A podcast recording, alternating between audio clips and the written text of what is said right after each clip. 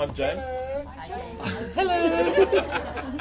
I'm a wildlife vet. I've been a wildlife vet for about 10 years now. I have my own wildlife practice. The main aim of the next two days is to show you how we work as wildlife vets in the wildlife field. You are doing a proper conservation effort tomorrow when we're shooting these animals with paintball repellent. We'll start off with darting some animals. So we'll dart three or four sable bulls. The drugs that we use to dart the animals are 100% lethal to humans. If you ingest any of the drug within five minutes, you will be dead. Die waarskuwing was nie genoeg om die groep vroue van stryk te bring nie. Dis my tweede ene. Voel jy nog steeds opgewonde? O ja, natuurlik. Dit gaan oor die samesyn saam met die dames, nuwe mense ontmoet en natuurlik bietjie met die diere werk. Dit is altyd nice om te sien hoe ander mense 'n ding ervaar en daai samehorigheid en in die, die deel van jou ondervinding is fantasties. Amanda, eerste keer wat jy iets soos hierdie aanpak, hoe voel jy? Ek's vreeslik opgewonde. Ek weet nie wat om te verwag nie. Ek's 'n avontuur junkie. Ehm um, ek is nog enkel loop en so dit is vir my moeilik om hierdie tipe dinge te doen. So hierdie gee jou die platform om iets uit jou comfort zone uit te doen in 'n veilige omgewing. Seker om te help skoot asseblief. Die groep staan bekend as die Bush Babes. Hulle is passievol oor die bewaring van wilde diere en eerste op die agenda was om 'n buffelbul se horings te meet. Hy is 'n bedaarmiddel toegedien. So big and all these muscles. It's insane. So nice to actually touch one that's on a live animal. Vir baie van die vroue was dit die eerste keer dat hulle so naby aan 'n wilde dier kom onder streng veiligheidsmaatreëls natuurlik. Ek het hartklopings en ek is um, baie emosioneel, ek moet sê. It's amazing om so naby om te wees. Julle, it's amazing. Dis 'n vinnige proses want die veearts James Roxburgh wil die dier so gou as moontlik weer op die been kry.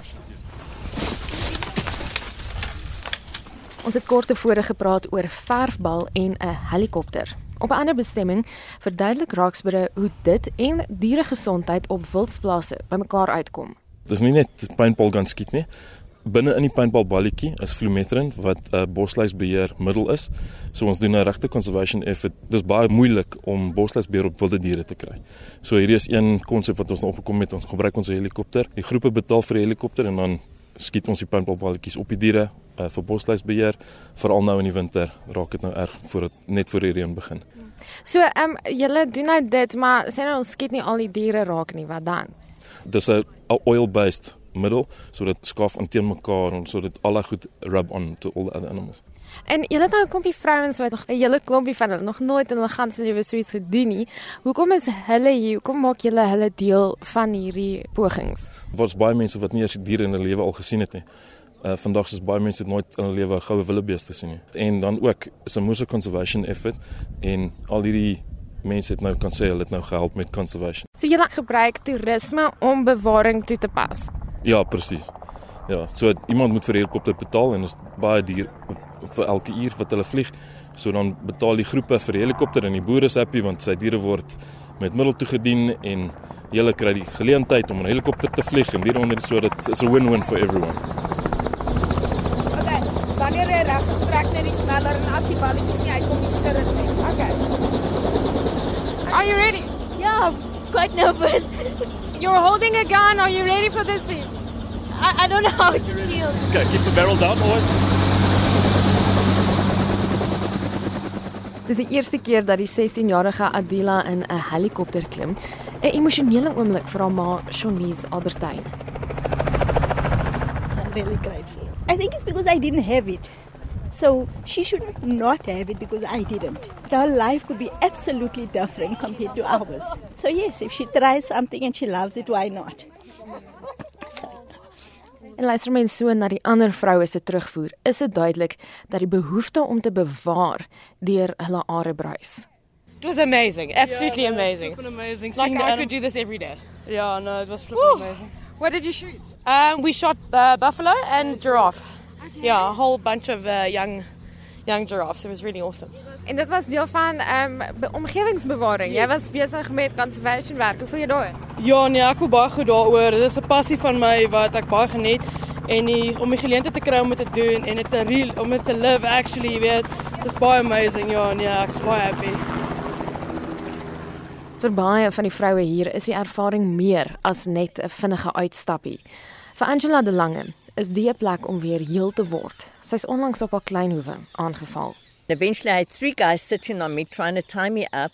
Eventually, they got my feet tied, and I managed to jump up again. And this guy hit me with a bourguignon spanner over my head. So I passed out for a couple of minutes. They tied me up and um, they kicked me around, and I was very lucky. I was very blessed that I was helped, you know.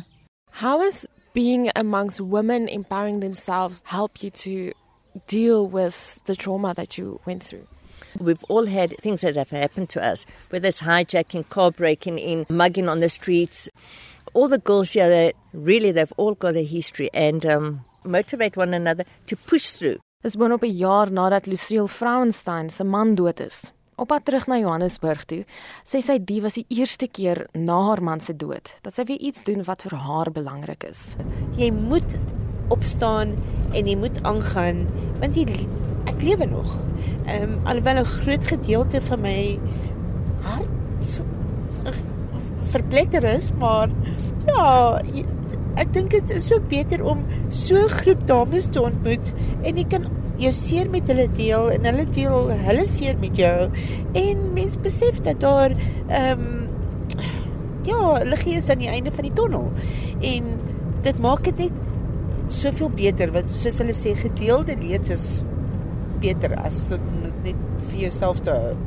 Dit is net goed om dit te ervaar om te, om met die dames te gesels en te verstaan wat hulle deurgegaan het en te deel wat jy deurgegaan het en saam te besef daar is dit is makliker om vorentoe te gaan.